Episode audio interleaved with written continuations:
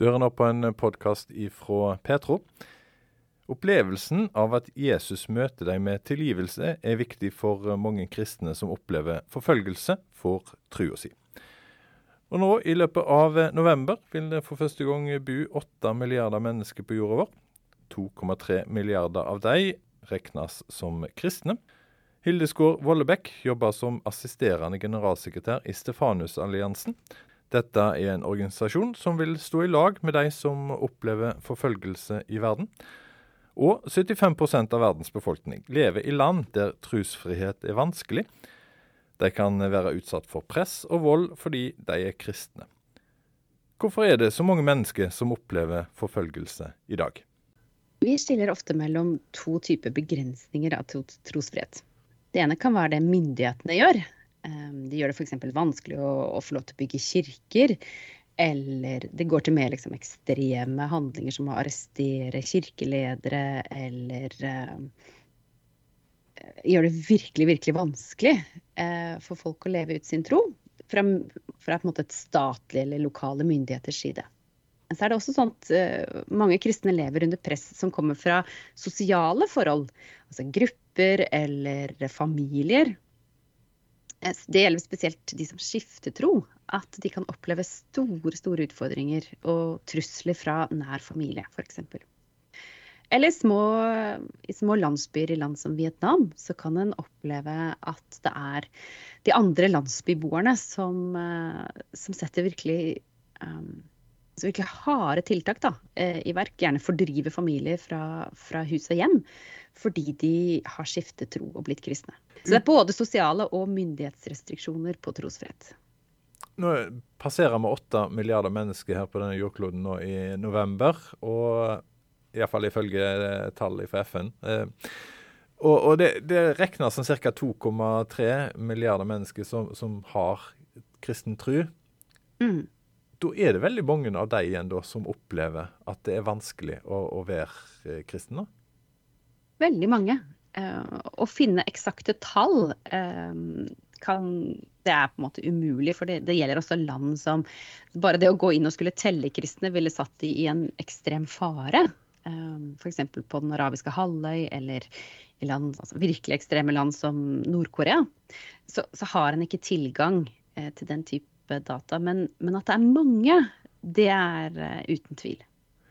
Hvorfor er vi kommet her? At det er sånn for uh, så mange kristne rundt i verden? Ja, det er ganske sammensatt. Det er ikke på en måte én forklaring for alle disse landene. Hvis du tar land som Kina, Vietnam, så er det gjerne ikke trosinnholdet i en kristen tro som er så problematisk.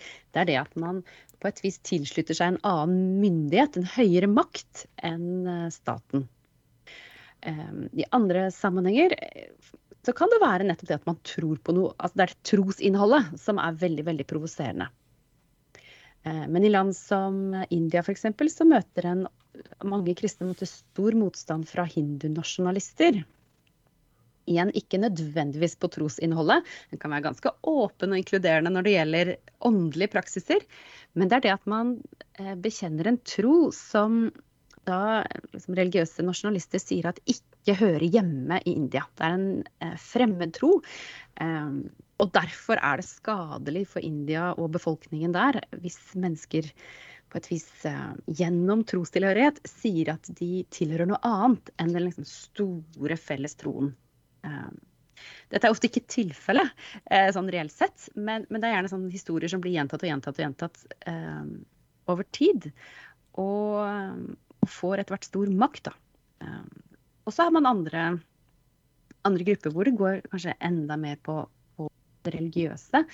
Eh, en kan se i en del muslimske land at det er ehm, både kristent trosinnhold, eh, som er veldig, veldig provoserende, men også det at kristen tro linkes da til Vesten. Eh, og at kristne da blir sett på som overløpere eller som en trussel mot lokal tro. Og, stort sett så, så, går det ned til at et på et vis er i Utfordrer lokale maktstrukturer. Ja. Enten på lokalplan, sånn som de jeg snakket om i stad fra Vietnam, så er det jo gjerne det at da en, en kristen familie som slutter å gå til en heksedoktor f.eks., eller betale til lokale religiøse ledere. Så med en gang så, så pirker man borti da, eh, lokale maktstrukturer.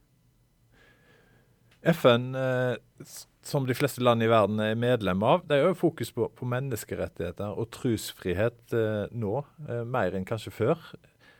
Allikevel så er det så mange mennesker som opplever dette her. Er det, hva er egentlig grunnen til at mange opplever denne friheten til å tro er så vanskelig? Det handler nok om at det er en stor dessverre da, en stor vekst i autoritære regimer i verden i dag. Eh, så fra statlig hold så er det ikke noe nødvendigvis I mange land så har man ikke um, så veldig stor drive da, til, å, til å ta vare på enkeltmenneskets rettigheter. Um, det er staten og myndighetenes uh, makt som kommer først. Og, da må enkeltmenneskene rette, rette seg etter det. det gjelder også da tro. Men har andre land i FN muligheten til å påvirke via det organet? Altså Norge som er en del av FN, og som er veldig opptatt av menneskeverd og trosfrihet? Ja, i det lange løp så har man det. Eh, selv om det ikke er noe sånn, det er ikke noe quick fix over natta her. Så her eh, må man jobbe på, på, veldig mange ulike fronter samtidig. På den ene siden så må man løfte opp liksom, de enkeltmenneskene som står i en veldig daglig kamp, og som, eh, som, går gjennom ekstreme lidelser. Så en må på en måte gjøre deres sak kjent. Eh, på den andre siden så må man også jobbe ovenfra politisk med å både jobbe for langt større respekt for men menneskerettighetene, men også vise land, og der tror jeg Norge kan, kan være en pådriver. Det å, å vise fram at for mange land så er det det å gi befolkningen sin et større spillerom eh, vil gagne landet i det lange løp. Eh, det å holde mennesker nede, det ser man igjen og igjen, eh, gjør land ustabile. Eh, så det å få frem at også retten til å praktisere sin tro er med på å gjøre enkeltmennesker og en befolkning si, langt mer tilpass da, eh, i sine liv. Eh, og at det vil land kunne tjene på. Og så komme bort fra det at en tenker at skal et land være stabilt i en veldig omskiftelig verden, så må alle gå i takt. Ordet 'alle går i takt' er jo noe Norge å virkelig får prøve nå, med at eh, mm. vi har jo hatt en tradisjon der kristendommen har stått sterkt. Nå er den tradisjonen i ferd med å endres. Og det krever jo at kristne i Norge må forholde seg til en litt annen virkelighet enn det en har gjort før. Eh, det å anerkjenne andre si tru, hvor viktig er egentlig det for at du sjøl skal bli anerkjent for de tru? Ja, det tror jeg det er langt viktigere enn vi kanskje tenker over. Um, og det har en mye større symboleffekt også. Uh, det å vise at um, jeg som et troende menneske anerkjenner at det er dypt, dypt, dypt eksistensielt behov i meg. Um, og jeg ser på en måte at andre mennesker også har det, det behovet, selv om jeg ikke deler deres tro. Så disse tingene, her kan man skille litt. En, en må ikke anerkjenne liksom, sannhetsgehalten i en annens tro. Men jeg anerkjenner din rett til å ha den troen, eh, og ser det som et veldig veldig viktig steg på, på vei til å være et, et fungerende samfunn. Søndag 13.11 blir Søndag for forfulgte, markert i kirke og menigheter i Norge. I ca. 20 år har en brukt andre søndag i november til å rette fokus mot eh, alle som blir forfulgt rundt om i verden. Selv om mennesket blir forfulgt for trua si på Jesus, både av myndigheter og mennesker, er det mange som eh, allikevel beholder trua. Hilde Skaar Vollebekk, assisterende generalsekretær i Stefanusalliansen, sier at spørsmålet om hvorfor mennesker som blir forfulgt allikevel beholder trua si, er et spørsmål hun har stilt seg sjøl mange ganger det, det er et, et, stort spørsmål som jeg har stilt meg selv også mange ganger i møte med mennesker som opplever eh, virkelig hard og vedvarende forfølgelse. Jeg tror svaret hos veldig mange ligger i det at en blir um, En blir helt nødt til å tenke igjennom hvor viktig troen er uh, i livet, og om det er verdt det. For denne familien i Vietnam så man da risikerer å måtte flytte fra venner, kjente, storfamilie, Uh, da må en ta et valg om at, om at det er verdt det. Uh, det vi har funnet eh, vi har sett at Jesus er virkekraftig i våre liv, det er så reelt at vi er villige til å ta valg selv om, selv om det koster veldig, veldig mye.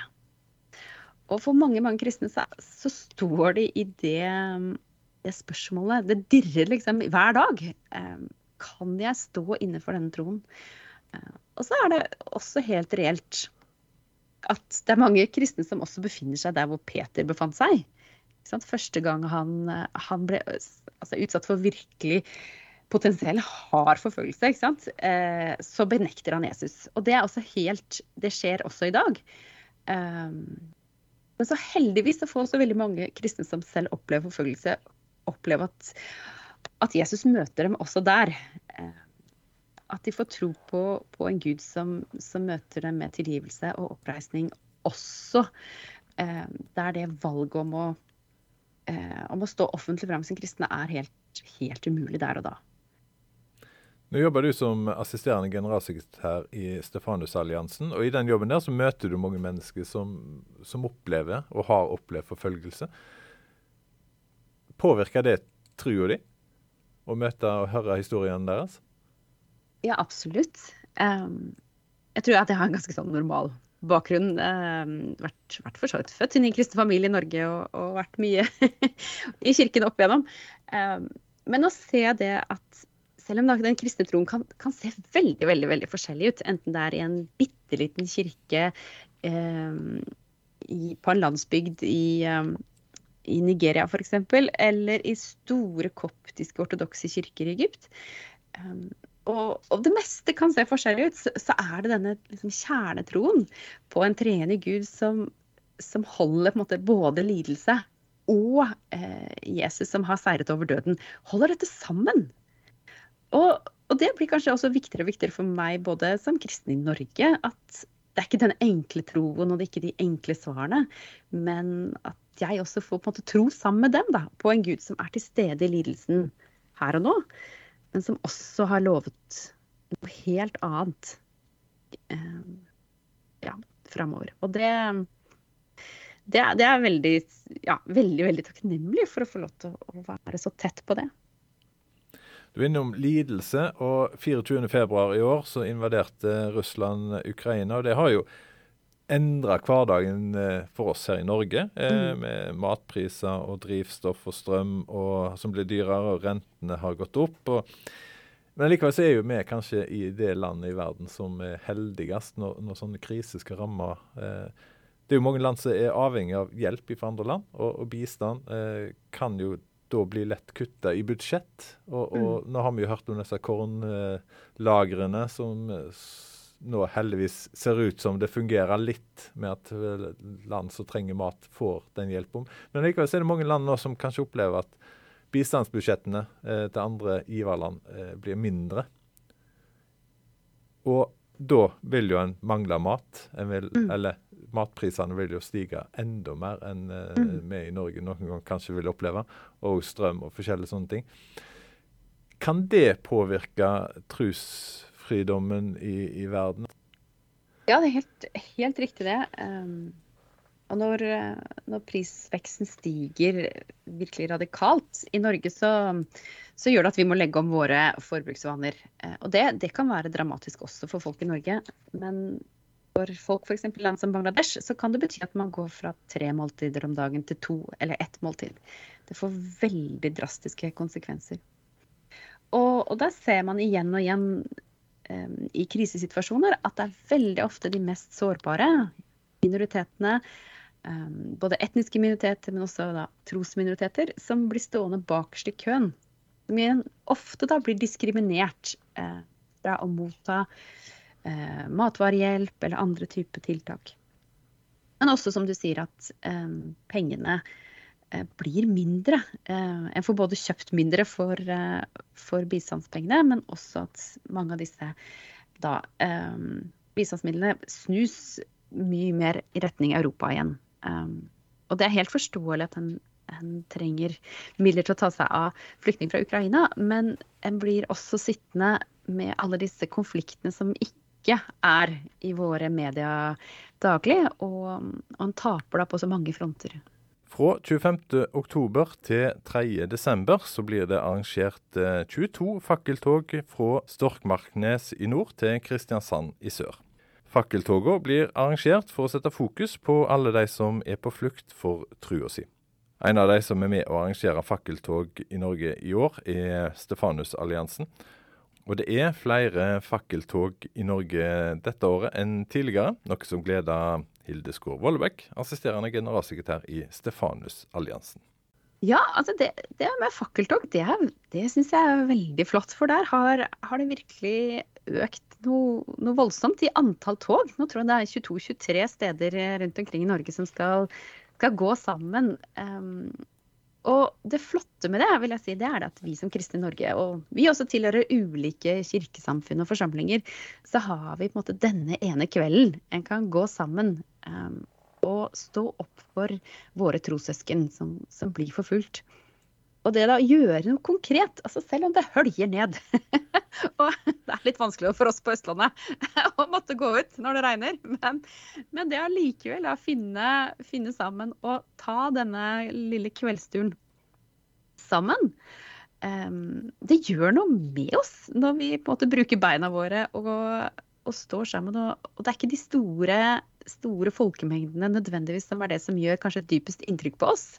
Uh, men det at vi, vi, finner sammen og bruker en kveld på å, um, å løfte denne saken og minne hverandre på at dette står vi sammen om, det ser vi uh, stor um, ja, det er stor betydning i det. Og så Vi har hatt med en del gjester tidligere år fra ulike land.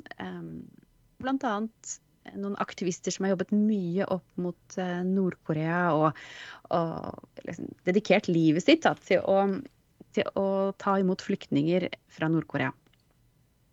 Og de eh, hadde selv aldri opplevd at de klarte å samle mer enn ja, 15-20-30 personer på gata eh, i Sør-Korea.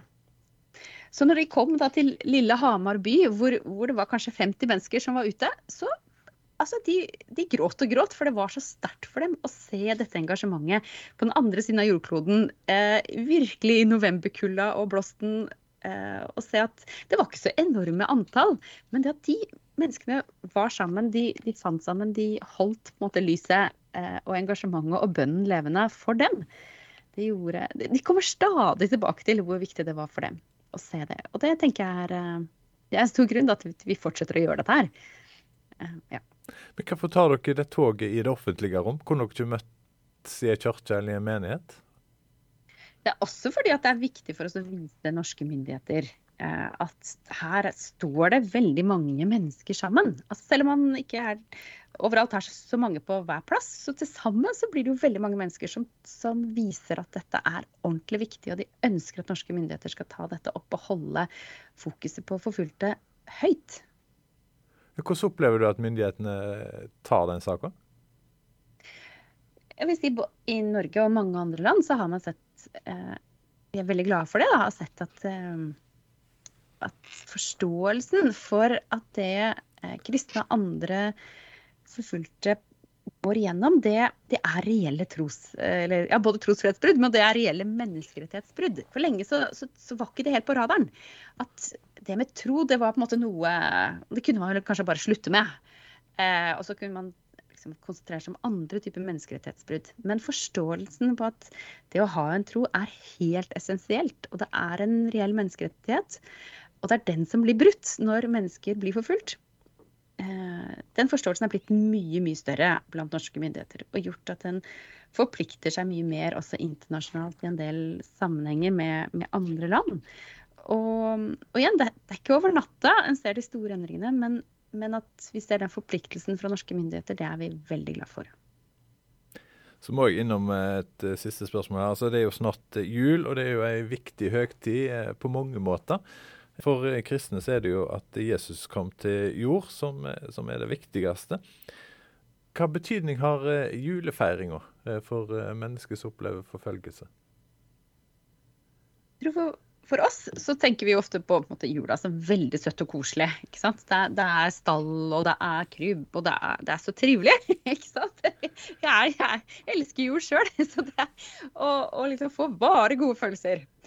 Men for veldig mange mennesker som, som lever um, med et sterkt press, da, um, så er, er, det både fortellingen om at Jesus blir født, men ikke minst det at Jesus selv blir en flyktning. At de selv er utsatt for virkelig brutale maktovergrep. Um, det er Herodes de flykter fra med en gang. og at, dette, at, Jesus selv da har kjent dette så på kroppen, det er veldig, veldig viktig for mange kristne. For kristne i Egypt f.eks. så er dette så stor del av deres identitet at de, de er en minoritet i sitt eget land. Um, men, men, de er allikevel De tilhører det folket som tok imot Jesus og Maria og Josef på plukt. Og for dem så er det en så viktig del av deres trosidentitet at vi, um, vi får leve der hvor, hvor Den hellige familie fant tilflukt det gir måte, mat og utholdenhet da, til troen eh, 2000 år senere. Hilde Skaar Vollebekk jobber som assisterende generalsekretær i Stefanusalliansen, en organisasjon som eh, vil stå i lag med de som opplever forfølgelse i verden. På fakkeltog.no der kan du lese mer om eh, fakkeltog som eh, blir arrangert nå fram til 3.12. Du har hørt en podkast fra Petro på nettsidene petro.no, eller der du hører podkaster, så kan du høre flere podkaster ifra oss.